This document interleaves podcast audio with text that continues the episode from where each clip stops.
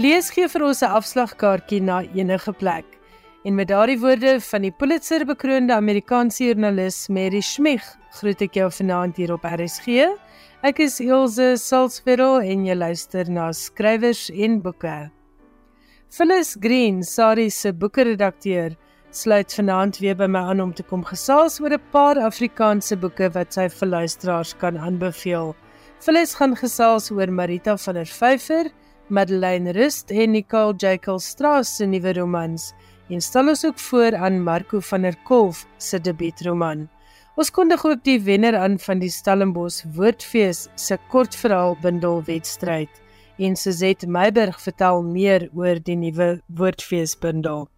In sy internasionale bydrae vertel Johan Meiberg meer oor die wenner van vanjaar se Nobelprys vir letterkunde nuwe internasionale boeke vir jou leeslys en 'n splinter nuwe Engelse vertaling van Homeros se klassieke werk The Iliad.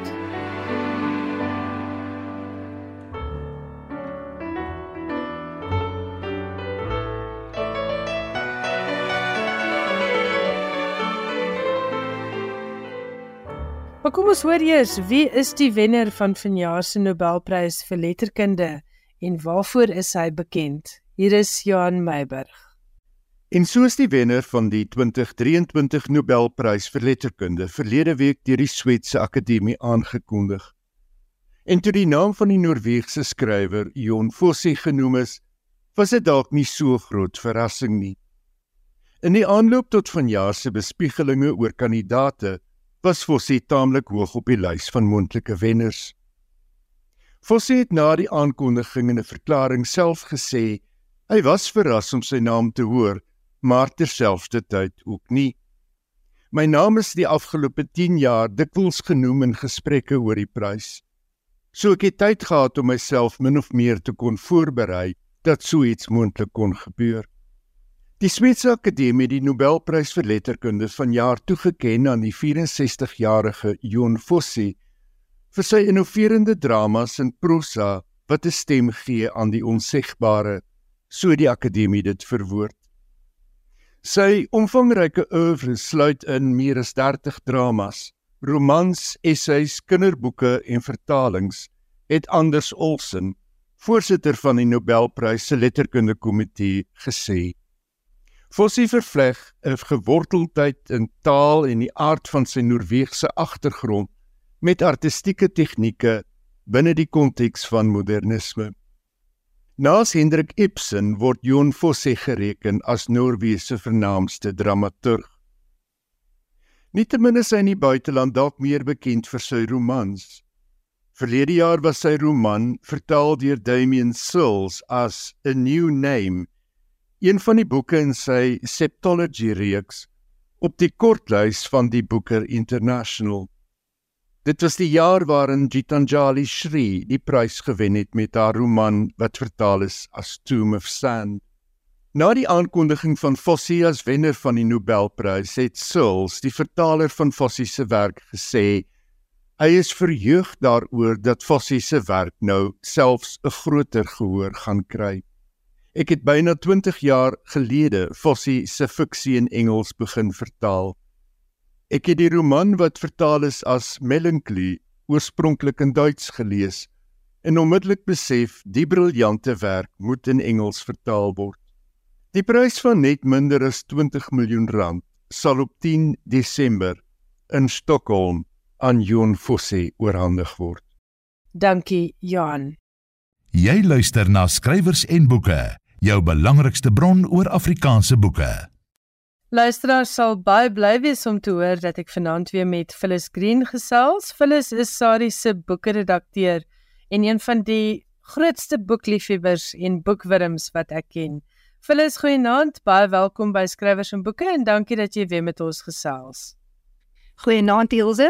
Ouer gewoonte is dit vir my 'n absolute voorreg om met die luisteraars te gesels, maar veral om met jou te gesels want ek weet ons kyk soms uit dieselfde oog uit na boeke want jy is self 'n baie passievolle mens oor Afrikaanse literatuur en die skryfkuns.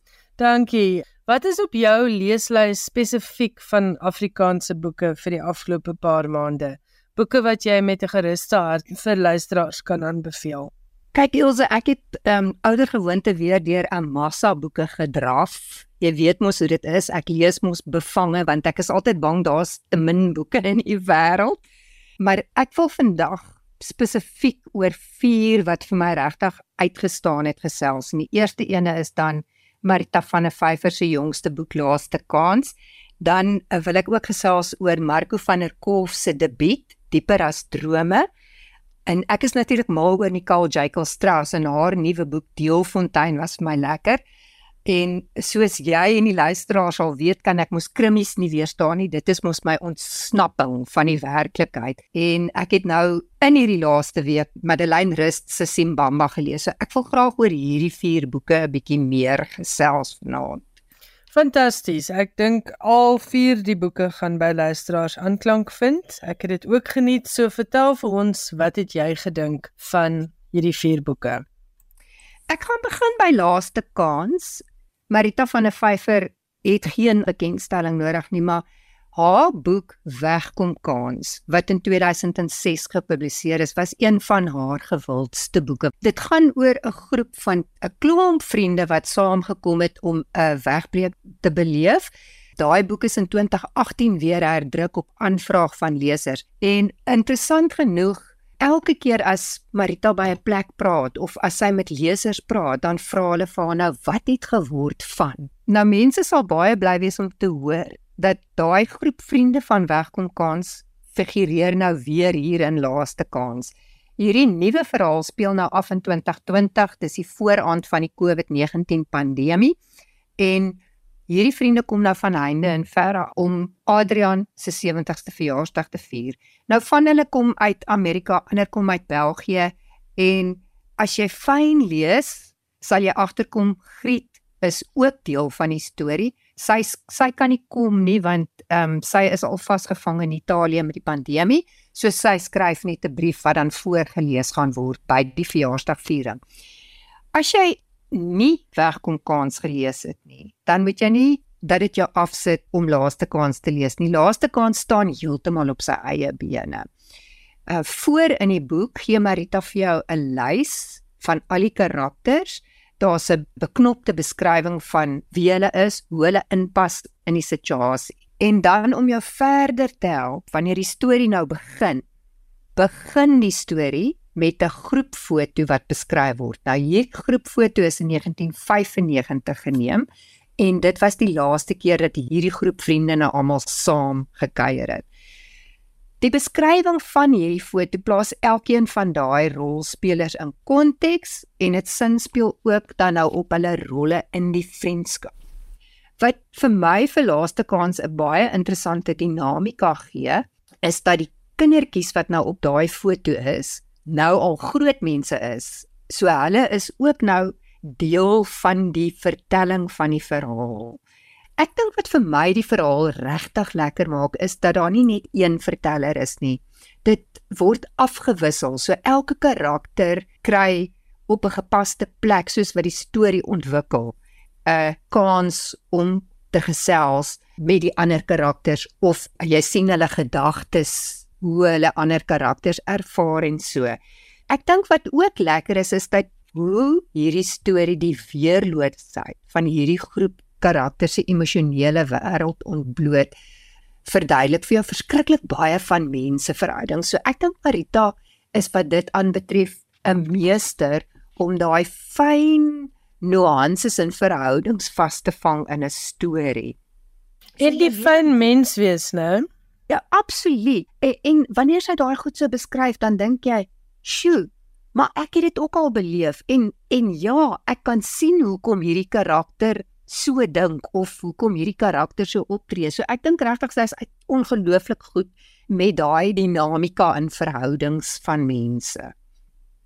Ilse en ek dink ook wat lekker is is jy voel so half onmiddellik deel van die drama van al hierdie karakters se lewens of dit nou groot en of dit nou klein dramaatjies is jy kan nie anders as om betrokke te raak nie wat ook gebeur is omdat dit nou 20 karakters is wat hierdie storie vertel, kry jy verskillende perspektiewe. So dis baie komplementerende perspektiewe maar dit belig dan verskillende fasette ook van die temas wat Marita dan nou aanroer en verskillende hoeke van dieselfde mens. Dis glad nie 'n plat blik op 'n karakter nie. Jy nee, sien wat sy kind van hom gedink het, wat sy vrou van hom gedink het. En, en selfs by die karakter self van homself dink, want ek dink Ja. hy ontbloot ook nogal baie van hulle self in die verhaal. Vriendskap is natuurlik die groot deurlopende tema deur hierdie boek en die waarde van vriendskap.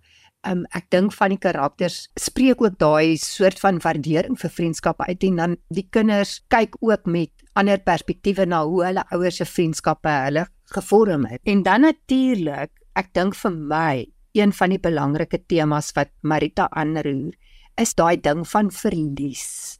Miskien is dit omdat ek 'n bietjie ouer is. Daar word dikwels in my bos gekap teestaal.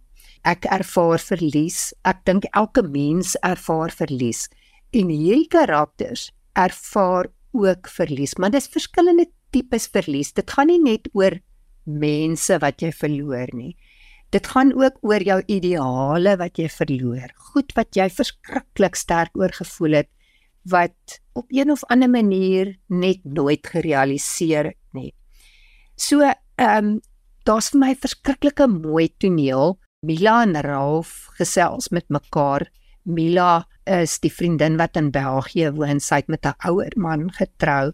Ralph het met 'n vrou getrou wat 3 kinders het en albei van hulle het hulle lewensmaat verloor en dan vra Mila in 'n stadium terwyl sy en Ralph gestap het oor sy ervaring van sy vrou se verlies en dan vra sy vir hom maar hoe rou 'n mens hoe het jy gerou dit het my verskriklik geraak want ek dink ook nou in hierdie tydvak waarin ons leef veral met die verhaal wat nou so aan die vooraand van COVID afspeel. Uh, ons is klaar deur COVID. Baie van ons se lewens is geraak deur COVID en baie van ons het mense afgestaan aan die dood. So vir my dink ek was daai nogal iets wat Marita regtig raak geboor het op 'n e- emosionele vlak. En die roman is baie filmies geskryf. Ek kon dit in my kop sien afspeel. Ongelooflik want deel van die wat ek dink wat vir my dit so lekker maak is daai ding van die observasie, die karakters wat so observeer want Liane het 'n tweeling wat nou volwasse is en een van die tweeling Alexander wil 'n filmmaker word en hy neem ook dan nou hierdie hele verjaarsdagviering neem hy af. En een van die ander seuns, dis nou Ralph se stiefseun Dylan, hy's die chef. Hy sien vir Alexander so met sy kamera dan dink hy so in sy kop. Hy hoop so dat Alexander sensitief gaan redigeer aan hierdie film want mense se onbewaakte oomblikke word soms vasgevang maar dan staan ook Ben wat 'n tiener is wat eintlik baie onwillig na hierdie verjaarsdagvieringe toe gegaan het want in sy kop is hierdie mense baie oud.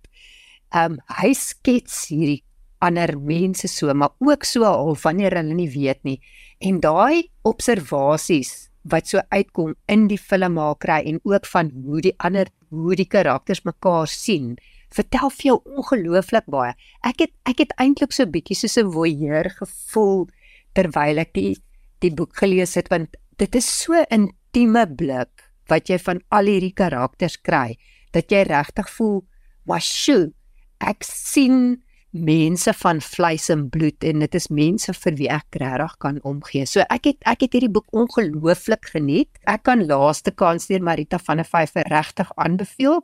Dit word uitgegee deur Tafelberg. Finis die volgende boek op jou lysie. Ek wil 'n bietjie gesels oor Marco van der Kolf se debuut. Dis 'n geskiedkundige verhaal. Die boek se naam is Dieper as drome en dit word uitgegee deur Boekdiva Uitgewers. Nou ek dink ek is seker luisteraars sal vir Marco ken as akteur en ook as dramaturg en ook as stemkunstenaar, maar hierdie debuut van hom was nogal 'n aangename verrassing. Ek kom ook agter hoe ouer ek raak hoe meer lees ek 'n geskiedkundige fiksie. Dis asof ek die geskiedenis anderster ervaar as ek fiksie lees as wanneer ek net die feite, die kaal feite lees, want die kaal feite is baie keer hard en dit voel vir my asof daar nie ek kan nie die mens agter daai feite sien nie. Nou wat dieper as drome vir my interessant maak, is die tydvak waarin dit afspeel. die eerste gedeelte van die verhaal is tydens die diamantstormloop in Kimberley en dan die aksie verskuif dan later na die rand met die goudstormloop. Nou die hoofkarakter is interessant en jy sien ook nogal heelwat van die gebeure wat plaasvind uit hierdie hoofkarakter se se oogpunt. Sy naam is Marcus Moore. Hy's 'n skot wat die agterbuurtes van Glasgow verlaat want hy wil sy heil hier op die sogenaamde New Rush van die delwerye kom soek. Hy kom met 'n klomp bagasie want um, sy lewe in Glasgow, sy familielewe in Glasgow was nou nie baie wat wonders nie. Jy kan maar sê hy het 'n vreeslike oordonderende pa gehad en daar was 'n insident wat ek nou nie wil weggee nie wat deel is van waarom Marcus dan nou Skotland verlaat om na Suid-Afrika te kom. Op hierdie bootreis na Suid-Afrika dan ehm um, hy ontmoet 'n vreeslike joviale kaland wat ook op pad is na Kimberley want hierdie ou glo daar's geweldig baie rykdom en geleenthede in Kimberley in hierdie stadium. Nou hierdie karakter is niemand anders as Barnett Isaacs nie. Barnett Isaacs ons ken hom eintlik as Barney Benato. En dan op hierdie seereis keer Marcus dat Barney oorboord val en hulle maak dan 'n 'n verbintenis met mekaar en 'n dis regtig 'n lewenslange vriendskap en sake verbintenis wat so gevorm word. Nou wanneer hulle in Suid-Afrika aankom en Marcus is nou uiteindelik op die delwerye, dan moet hy nou ontsettend hard werk om 'n bestaan vir homself daar uit te kap. Hy raak bevriend met Isaiah Kumalu wat dan ook betrokke raak later as 'n vennoot in Marcus se delwes operasie in in Kimberley. Interessant genoeg is dat die geskiedenis ontbloot word deur Marcus en Bani Benato se sakebedrywighede en dan ook die mense met wie hulle te doen het. Wat Marco baie goed doen is hy meng nou fiktiewe karakters. Obviously is um Marcus 'n fiktiewe karakter. Hy vermeng sy hele loopbaan en sy verhoudings so goed met regtige geskiedkundige karakters van daai tyd. So jy beleef die stormagtigheid waardeur Marcus gaan ehm um, hoe hy uiteindelik verlief raak wanneer hy trou en dan ook die goed wat in in Bani en in Isaiah se lewe gebeur. Wat vir my regtig baie fascinerend was is ek ken so ligweg die geskiedenis van Rhodes, Cecil John Rhodes, maar in hierdie boek kom hy nogal uh, baie na vore, veral wanneer die aksie na die rand verskuif wanneer wanneer dit nou om die goud gaan, dan is die die sake gebeur en hoe besigheid gedoen is. Uh en Marco het baie duidelik vreeslik baie navorsing daaroor gedoen en vorm so half die agtergrond waardeur waarteen hierdie goeters dan nou afspeel. Dit gee vir jou so 'n baie interessante kykie in in Cecil John Rhodes en sy gekonkelry um, met sy empire bouery. Hy was verskriklik gefokus om die empire uit te bou. Nou al hierdie ander regtig geskiedkundige karakters soos Paul Creer, Jan Smuts, Olive Schreiner en haar broer William en dan Percy Fitzpatrick en selfs Janison word vreeslik oortuigend in die in die gebeure ingetrek. Ek het as leser onmiddellik empatie gehad met Barney Benato en met Marcus. En Marco teken 'n baie simpatieke en deernisvolle prentjie van Rhodes veral oor Rhodes se persoonlike lewe. Ek dink daar kom goed uit wat wat mense nie nie sommer um, van bewus was nie. Um, oor sy oor sy seksualiteit en en sy stryd met sy seksualiteit en so. Maar ek moet bieg hy bly maar vir my 'n skarminkel.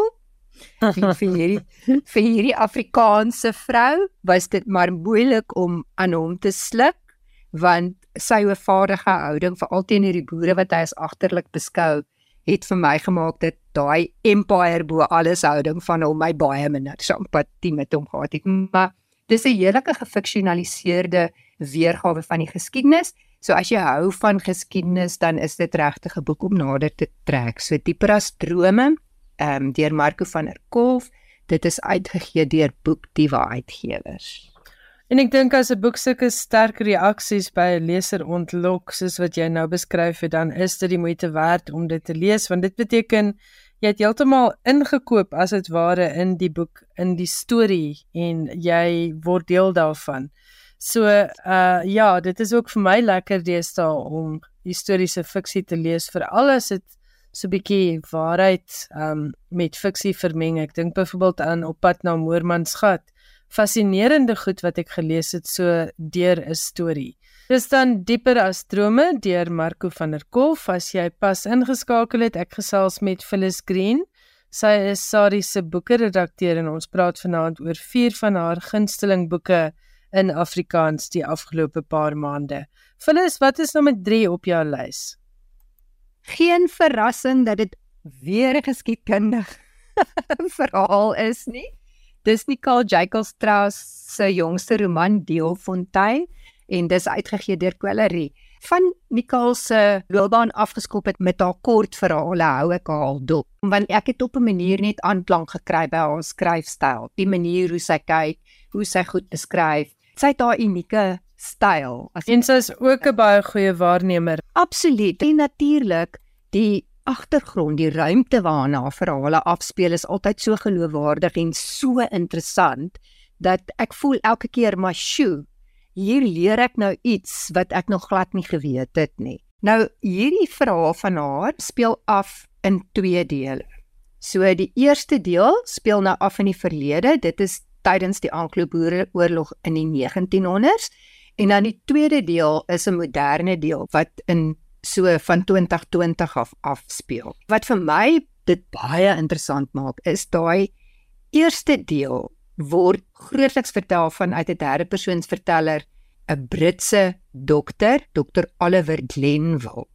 Hy is ook half die gemeene deler tussen die eerste deel en die tweede deel van die verhaal en as jy die boek lees, sal jy agterkom wat hom ook so verskriklik fascinerend as karakter maak is hoe hy verbind is aan al die ander karakters. Ek weet nie, ek het net soveel empatie met hierdie Oliver Glenville gehad en dit was vir my verfrissend om vanuit Engelse persoon se oogpunt die Boereoorlog gebeure te sien.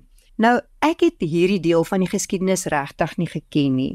So ek dink miskien is dit ook hoekom die boek vir my so lig laat opgaan het. Deelfontein was 'n veldhospitaal wat daar in die 1900s dan nou opgerig is vir die Britse offisiere. Nou interessant genoeg is dat daai hospitaal ongelooflik modern was. Jy kan dink hier in tussen niks en nêrens van Deelfontein was regtig tussen niks en nêrens op die Karoo vlakte staan daar hierdie absolute moderne hospitaal selfs met 'n ekstra masjien John Hall Edwards wat verskriklik baie eksperimente met ekstrale gedoen het was deel van hierdie hospitaal.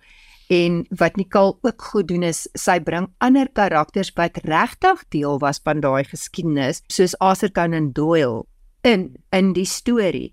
En sy interaksie dan nou met met Oliver Glenville. Dis 'n kort stukkie maar dit gee net so 'n ekstra laagie aan hierdie storie. Wat interessant is van Glenville is hy's 'n baie ywerige fotograaf en hy's nogal idealisties oor die lewe en hy bring sy splinter nuwe kamera uh, sy brownie kamera dan nou saam om hierdie groot avontuur van hom af te neem. Maar dan terwyl hy nou daar in Deelfontein is, raak hy baie vinnig omgoochel deur die werklikheid en die aakligheid en die naarheid van hierdie oorlog, want hy kom agter maar oorlog ons sien niemand nie. Hy word regtig diep getref deur die ellende van die Britse soldate, maar ook van die boerekrygers wat dan daar by die hospitaal aankom.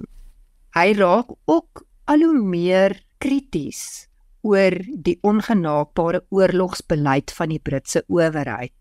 Die magspel waarmee hulle besig is, is begin vir hom al hoe meer onaanvaarbaar raak en dit is nogal 'n tema regdeur die eerste deel van die verhaal maar ook in die tweede deel van die verhaal. Hoe mag gebruik word nie ten goeie nie, maar om mense te na te kom en om hulle te manipuleer. By hierdie veldhospitaal raak Oliver so betrokke by 'n skoonmaker, Klara Grootboom, en daar's nog 'n komplekse verhouding tussen die twee. Ek wil nou nie heeltemal weggee wat tussen hulle twee gebeur nie, maar daar gebeur goed tussen hulle wat 'n letsel op Oliver se siel los. Hy word Kimberley toe gestuur om iets vir die hospitaal te gaan oplaai. En terwyl hy daar is, is daar 'n insident met 'n Britse offisier wat Oliver finaal knak, sielkundig knak. Dan kom daar vir hom uitkoms want hy word dan gevra om 'n groep krygsgevangenes na Ceylon te begelei waarna hy dan nou terug gaan na Engeland, um, na Londen, na sy geboortedorp. Maar daar is hy ook nie lekker gelukkig nie en dan tel ons die storie op 20 jaar later waar hy in Shanghai is, waar hy nou met sy vrou en dogtertjie bly. Wat Oliver vir my 'n ongelooflike karakter maak waarmee ek empatie het, is is hoe hierdie oorlogservarings van hom hom so gekwes het dat hy op die ou einde om te ontsnap van die droogbeelde wat hom so tuister in sy kop 'n opiumverslaafde raak. En dan hier in Shanghai is daar 'n insident waar waar hy wakker word in 'n opiumden wat 'n groep Chinese bende mag oor hom gee. Uh hulle dreig hom af om dan nou allerlei nare goeters te doen. Oliver se vrou, um, wat Nicole baie goed met haar doen is daai storielyn ontwikkel sy sodat Oliver se vrou al hoe meer betrokke raak by die politiek en sy op die ou einde is 'n uh, in 'n verhouding met Mao Zedong en sy trou dan ook later met hom wanneer haar en Oliver se verhouding hulle huwelik dan nou finaal ten gronde gegaan het. Dit is fiktief, maar dit is gegrond op die die werklike geskiedenis hoe die geskiedenis daar uitgespeel het en dit was nog 'n interessante faset wat die ruimte vir in hierdie verhaal afspeel regtig kleur gegee het. En wanneer Oliver nou so deur hierdie Chinese bende afgedreig word, dan vlug hy weer terug na Engeland net met sy dogter en dis nou waar waar deel 1 dan nou eindig. Die storie in deel 2 begin so meer as 100 jaar later. Dit word vertel vanuit die oogpunt van 'n kunstenares, Isa. Sy's die agterkleindogter van Clara Grootboom. Sy het 'n fantastiese unieke stem. Sy vertel haar verhaal. So die tweede deel hoor jy eintlik in Isa se stem. Sy gebruik Kaapse Afrikaans ook en sy sy het 'n uitstalling geskep oor Deelfontein se gegevens want sy wou sin maak van haar eie herkoms. Hierdie uitstalling van haar word besoek deur iemand wat uit Engeland uitkom wat 'n verskriklike groot kunsaanhanger is. Dis 'n jong vrou met die naam van Olivia.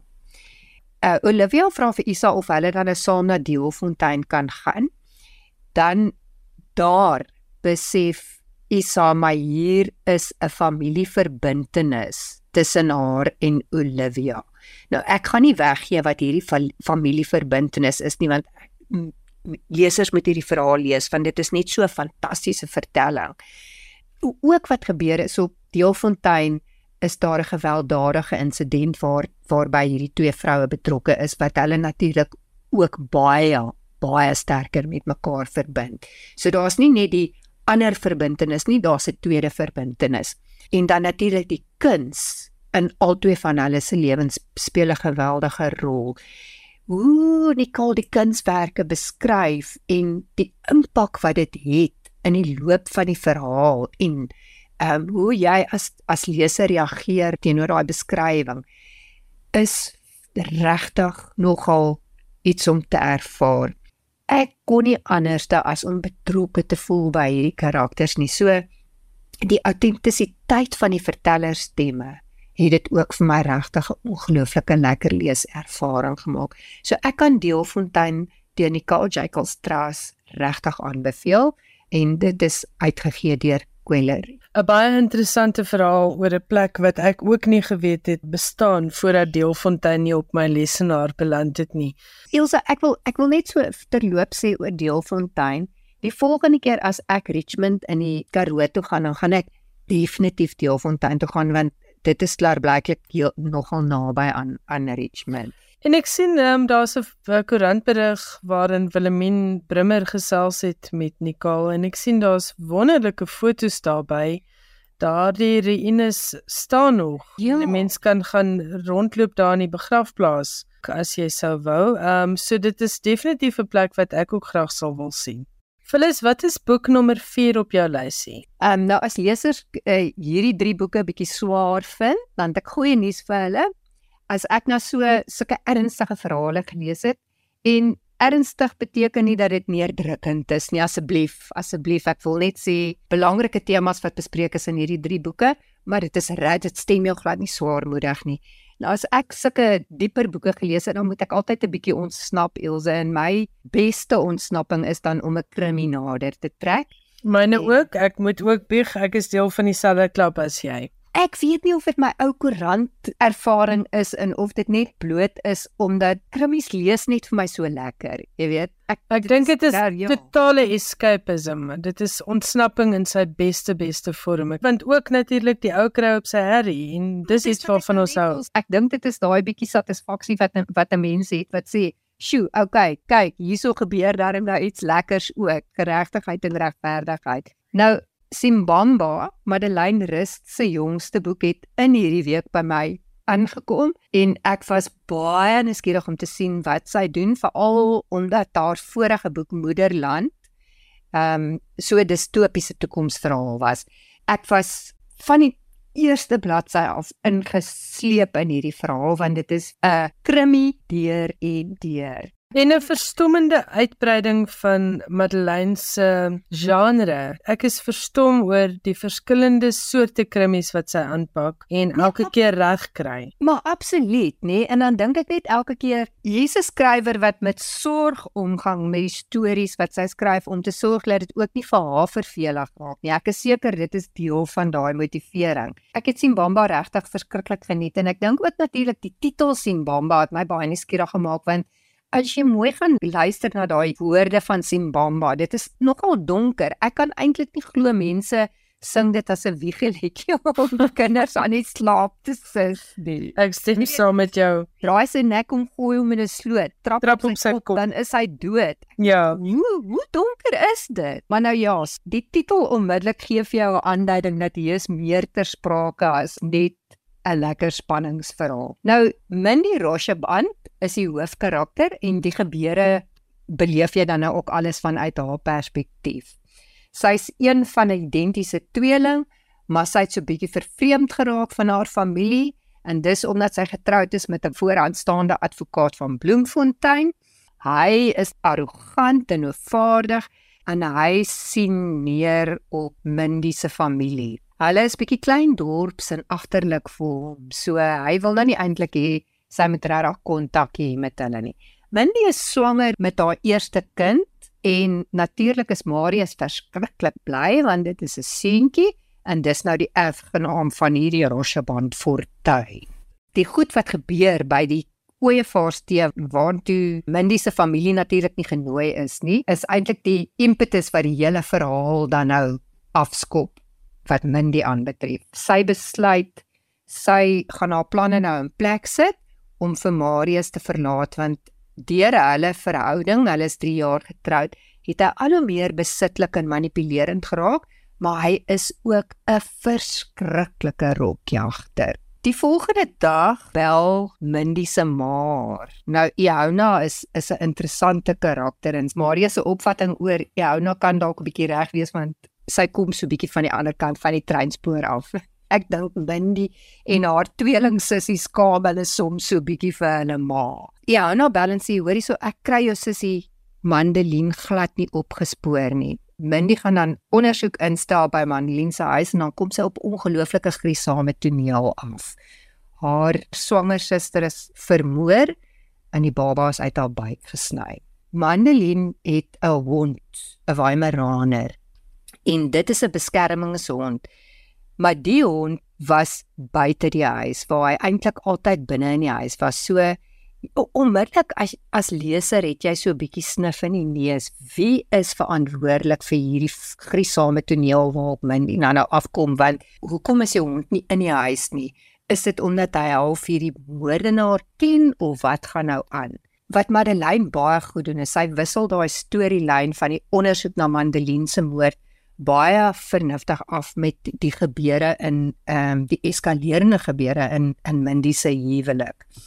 Jy bly lees want jy wil sien gaan hierdie huwelike ou gaan sy haar planne in plek kry. Uh, en dan intussen tyd plant Madeleine vir jou so elke hoeveel bladsye eh, 'n uh, 'n leidraad waarmee jy die moord kan probeer ontrafel. Ek moet beg die ontknoping was vir my 'n ongelooflike verrassing want daar Nou was gaan- nik- niks voorspelbaar aan wie die moordenaar was nie. Ek was ek het dit regtig nie sien kom nie. Ek weet nie maar of jy ook so gevoel het nie. Ek het my bedenkinge gehad, uh, maar ek is ook op 2 of 3 dwaalspore geneem. So dit is wat vir my die boek baie besonders gemaak. Maar dis die ding, mense het gedink dat ek weet nou wie's die moordenaar, dan gebeur daar iets wat sê maar jy moet dan maar weer 'n bietjie dink. So dit was vir my regtig baie lekker en ek dink dan ook die ander ding is goeie fiksie en goeie spanningsfiksie gaan nie net oor die moord nie, dit gaan ook oor die sosiale kommentaar. Dit gaan ook oor die samelewing wat uitgebeeld word en ek dink dit is wat Madeleine vir my in hierdie boek verskriklik goed doen is die agtergrond van die karakters, daai die haves en die have-nots en hoe sy baie ehm um, baie effektief ehm um, daai verskille belig sodat die algemene persepsie van jy weet wat as jy ryk is en jy kom uit 'n vooraanstaande familie dan is jy eintlik baie edel van inbors. Hoe sy daai persepsie eintlik op die kop keer want dit is nie noodwendig so nie. En dat daai is wat nie het nie, daai is wat so ander kan die treinspoor kom is baie keer die mense wat die wa vir jou deur die drif gaan trek. So ek dink vir my was daai 'n verskriklike lekker aspek van die verhaal. En dan natuurlik ook die daar's 'n storielyn met motorfietsbendes van Mindy en Mandeline se ouer broer is 'n lid van 'n motorfietsbende en mens verwag dat hierdie mense verskriklike uh, kriminele sal wees en dat jy weet hulle betrokke sal wees by allerlei onheilighede en ook dwelmgebruikers en so en dan is jy baie aangenaam verras om te sien wie is eintlik deel van daai motorfietsbende. Dit was nogal vir my 'n lekker faset van die verhaal. En die humor, die humor het my opgeval want dit is 'n swaar storielyn die misdade, maar daar is lieflike humor wat vir baie um ligter momente sorg. Ja, en en die wonderlike dialoog. Ja, die dialoog en die karakters. Dit was net 'n absolute heerlikheid om te lees en dis amper soos 'n palet verfrisser. Absoluut. Kyk en ek dink natuurlik wat hierdie boek vir my laat uitstaan en wat dit 'n baie belangrike boek maak is die tema wat Madeleine belig van geweld teen vroue. Geweld teen vroue in ons land, ons is een van die lande met die hoogste statistiek daarvoor. Dis regtig 'n skandvlek op ons gemeenskap. En wat Madeleine hierso vir ons baie mooi uitbeeld is dat dit gaan nie net oor daai fisieke geweld. Jy weet die, dit wat jy sien nie. Dit gaan ook oor mag en oor emosionele geweld in persoonlike verhoudings. Die mense van wie jy dit die minste verwag wat jou die seerste maak. So dis 'n storie met vleis en hy boei van die begin af. Dit is ontvlugting op sy beste. So ek kan sien Bamba regtig aanbeveel en hierdie boek word uitgegee deur Iman en Resou. Ek het nou gepraat oor vier boeke wat nou regtig vir my baie lekker was, maar dit is regtig nie al wat ek gelees het nie. Ek het 'n klomp goed gelees. Ek het Irna van Sail se nuutste boek oor Storm van 'n Merwe gelees, Kwaai Water, baie lekker storie. Ehm um, Storm gaan deur 'n klomp goeters. Lesers van Irna se boeke gaan dit baie interessant vind. Dan het Leon van Nierop 'n nuwe beer henningspeer verhaal met die naam van Duivelsroos. Dit het pas die winkelrakke getref. Niemand het geweet swart rose kan so gevaarlik wees nie. En dan het ek natuurlik ook Maalkolk van Marie Lots gelees. Sy's 'n lekker hardebaard krimi skrywer en haar hoofkarakter Alex Strauss, die polisiespeurder, gaan hierso deur baie persoonlike goed in hierdie boek want die, die misdade sny nogal naby aan die been. As as jy eerder iets baie ligters wil lees en wat jou in 'n baie vrolike stemming gaan sit, dan kan jy gerus Rudy van Rensburg se nuwe boek Hans kry troukoors lees. Ek verstom my oor hoe Hans net die wêreld lekker oorgeneem het. Dan vir mense wat hou van persoonlike verhale en van um, die waarheid, kan hulle kan gerus James Scott se boek dan sien ons mekaar lees. Uh, hy is 'n sielkundige in Australië en hy skryf sulke kort verhale oor die interaksie tussen hom en sy pasiënte, maar dit is nogal vir my baie roerend geweest. Ek het dit baie geniet. Dan Christina Landman is 'n naam wat ons almal ken en ons weet sy skroom nie om kommentaar te lewer oor kerksake en aktuelle sake in in ons gemeenskap nie. Haar uh, memoir Christina 'n lewe was 'n verrassende lees gewees en het my nogal baie ander insig in Christina die mens gegee. So dis net so ander klompie ander boeke wat ek dalk net uh, wil noem as luisteraars daarna wil kyk. En so gesels Phyllis Green. Ons praat binnekort weer met jou Phyllis. Baie baie dankie. Dis altyd vir my lekker om jou na die program te nooi en ook vir luisteraars op daardie manier insig te gee in ander boekliefhebbers se boeke smaak. Tot volgende keer. Dankie en totsiens Ilse. Dit was Phyllis Green. As jy die eerste deel van die program misgeloop het, maak seker jy luister dit op potgooi want daarin gesels sy ook oor drie ander romans wat sy kan aanbeveel. Nou het Johan Meiburg vir ons 'n paar voorstelle as dit by boeke uit die internasionale literatuur kom. Nuwe boeke wat eersdaags uitgereik word en binnekort hier beskikbaar behoort te wees, is onder meer 'n nuwe boek van Anne Enright, 'n heruitgawe van Diana Athill se roman en 'n nuwe roman deur Karel Ove Knuskor. Daar is kwalike ander skrywer wat disfunksionele gesinne soek na beskryf as juis Anne Enright, die eerste skrywer wat in 2007 die Booker-prys verower het met The Gathering. In The Wren, The Wren, haar jongste roman, fokus sy op drie lede van 'n problematiese gesin. Daar is Nell, die jongste, 'n vrygees wat haar drome met vrye teuels najag en 'n verhouding aanknoop met 'n wreedhart. Kamel Nelsema is 'n enkel ma sonder enige fiteriassies aan wie se liefde vir haar dogter soms op eienaardige maniere na vore kom. En dan is daar Phil McDarrah, Kamel se pa, wat ook 'n beroemde Ierse digter was en dood is toe sy nog 'n kind was. Maar moenie dink dat 'n boek oor 'n disfunksionele gesin neerdrukkend hoef te wees nie. The Wren, the Wren, verwysende na Europese singende tuinvoeltjie, is plek plek werklik snaaks. Die boek word uitgegee deur Jonathan Cape. Karel Ove Knuskor se jongste roman, The Wolves of Eternity, is uit Noorweegs vertaal deur Martin Aitken. Dit gaan oor 'n man wat na sy terugkeer van militêre diens op geheime uit sy pa se verlede afkom wat sy pad laat kruis met die van 'n geheimsinnige Russiese bioloog. Die boek word uitgegee deur Penguin Random House.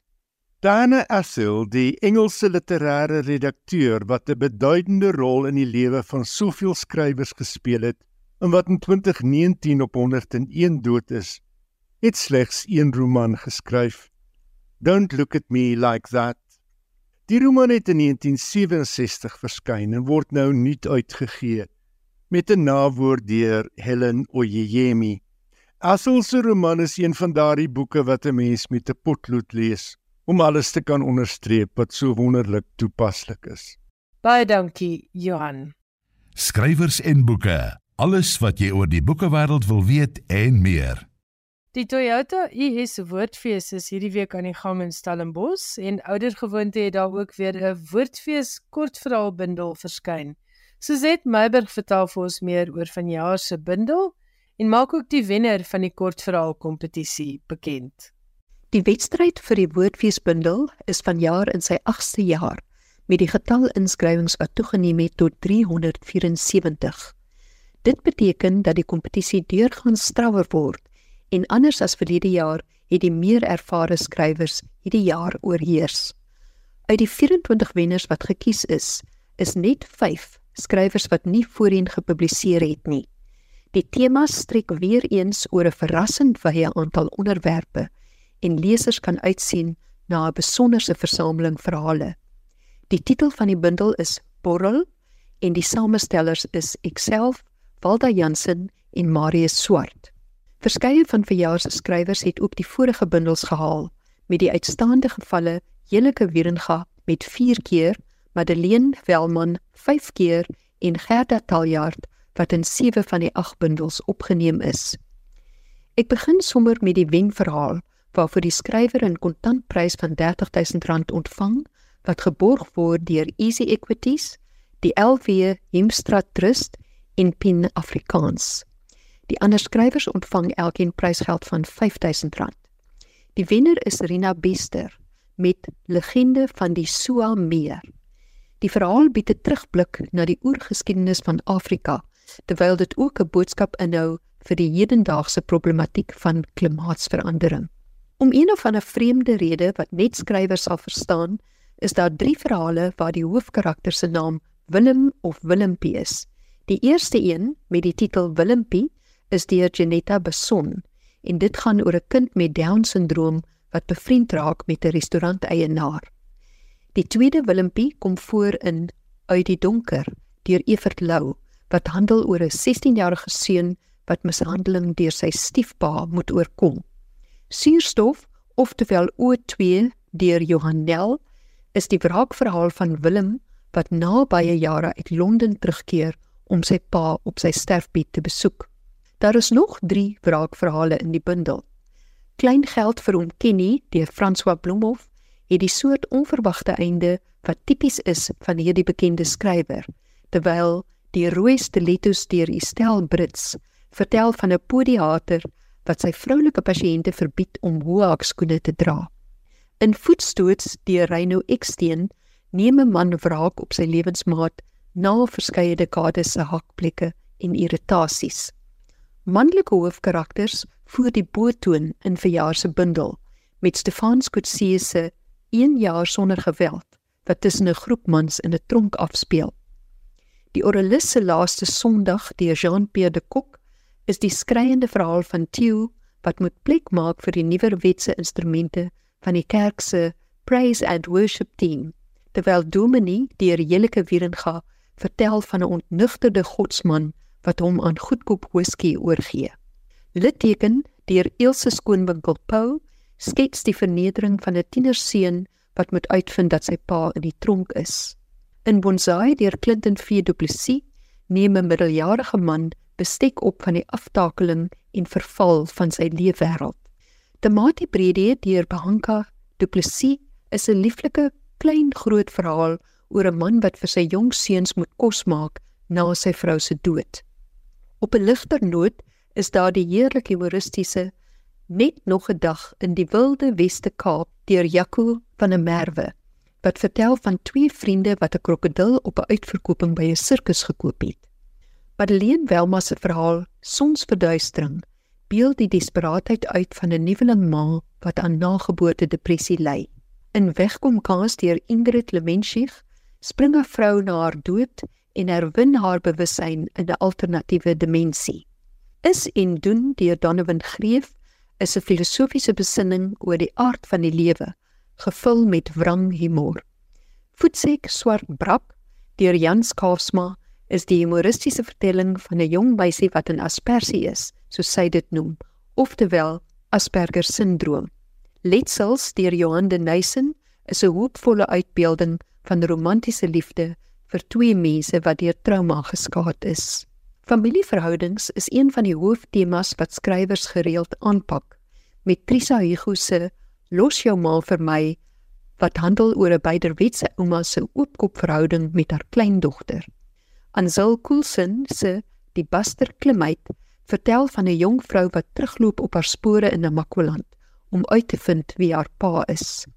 In Genadebrood deur Fransolien van der Merwe leer 'n skoolmeisie dat die uitlander wat die huiswinkel besit 'n goeie mens is wat soos 'n pa vir haar sorg.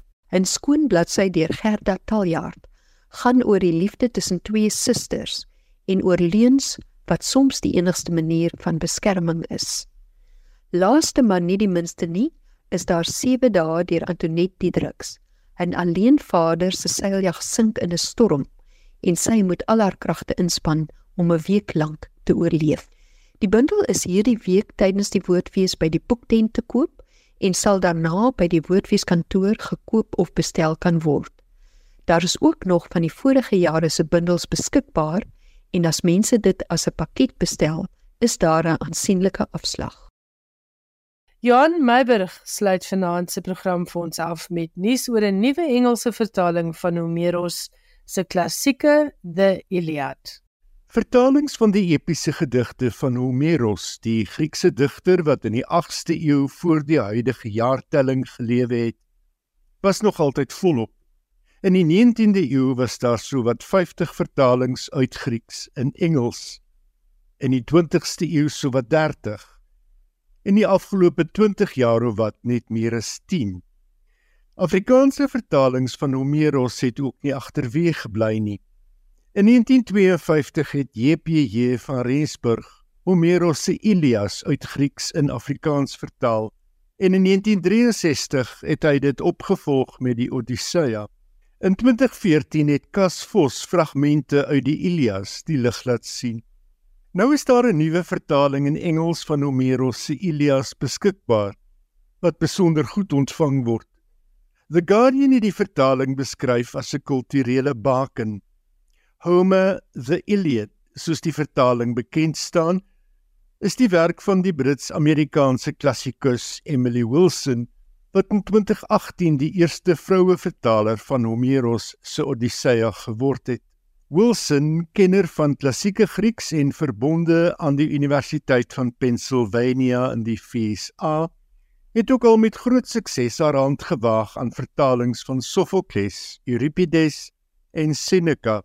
Soos heelwat vertalers voor haar gebruik Wilson die beproefde onrymende jambiese 6 versvoetmaat maar waarin sy veral uitblink is haar kennis van antieke Griekse woordeskat, dialekte, metrum en manuskriptradisies.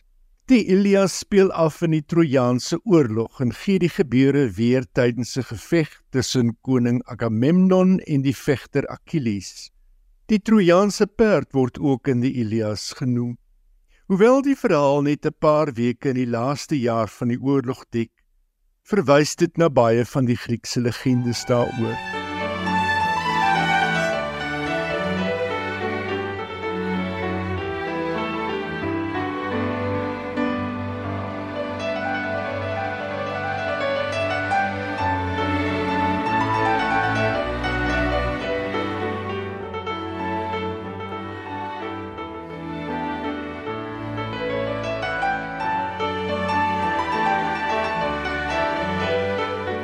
Tyd geword vir my om te groet. Baie dankie vir die saamluister.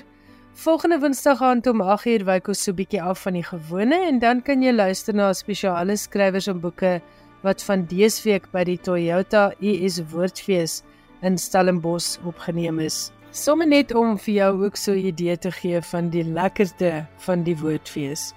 Tot volgende week dan, pas jouself en jou mense mooi op en soos altyd, Ek hoop jy 'n stapel wonderlike leesgoed. Totsiens.